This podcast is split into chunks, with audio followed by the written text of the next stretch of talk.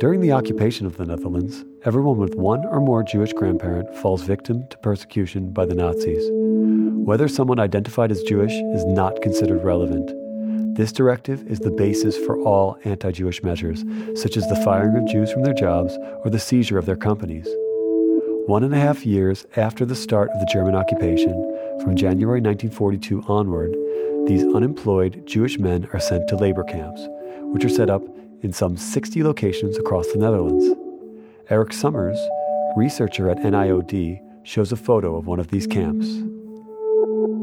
We see a group of young Jewish people, and they are forced to work in labor camps. And uh, it was for the Germans a manner to, to group the young Jewish people together and to, to keep control over them. And uh, on this picture, they, they are marching to their, to their work. They have to, to dig somewhere in the area and to do hard work. But it was not really a camp as we know what has happened later in these uh, concentration camps far more to the east in Germany and in Eastern Europe. That these labor camps are meant to serve another purpose becomes clear in October 1942, three months after the Nazis had started deporting Jews to the major transit camp in the Netherlands, Westerbork, and from there to concentration camps in occupied Poland. All these people, all these young men, were uh, grouped together and deported to the Westerbork camp. At the same time, at a, at a place where they lived before, the wives and their kids, the family, were also uh, picked up and transported to Westerbork. And uh, the reason that was called, it was a kind of family reunion.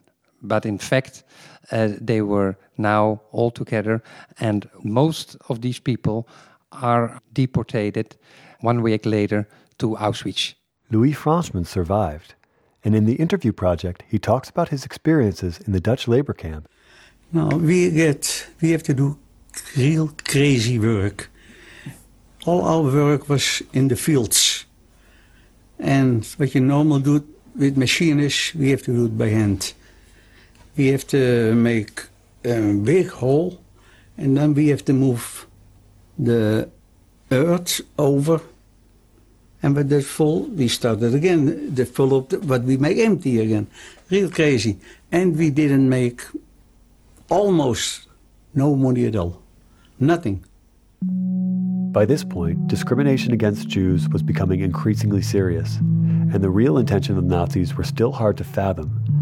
Many Jews thought that by cooperating with the Nazis, they could prevent worse things from happening, especially since they were told that all of these camps were only labor camps.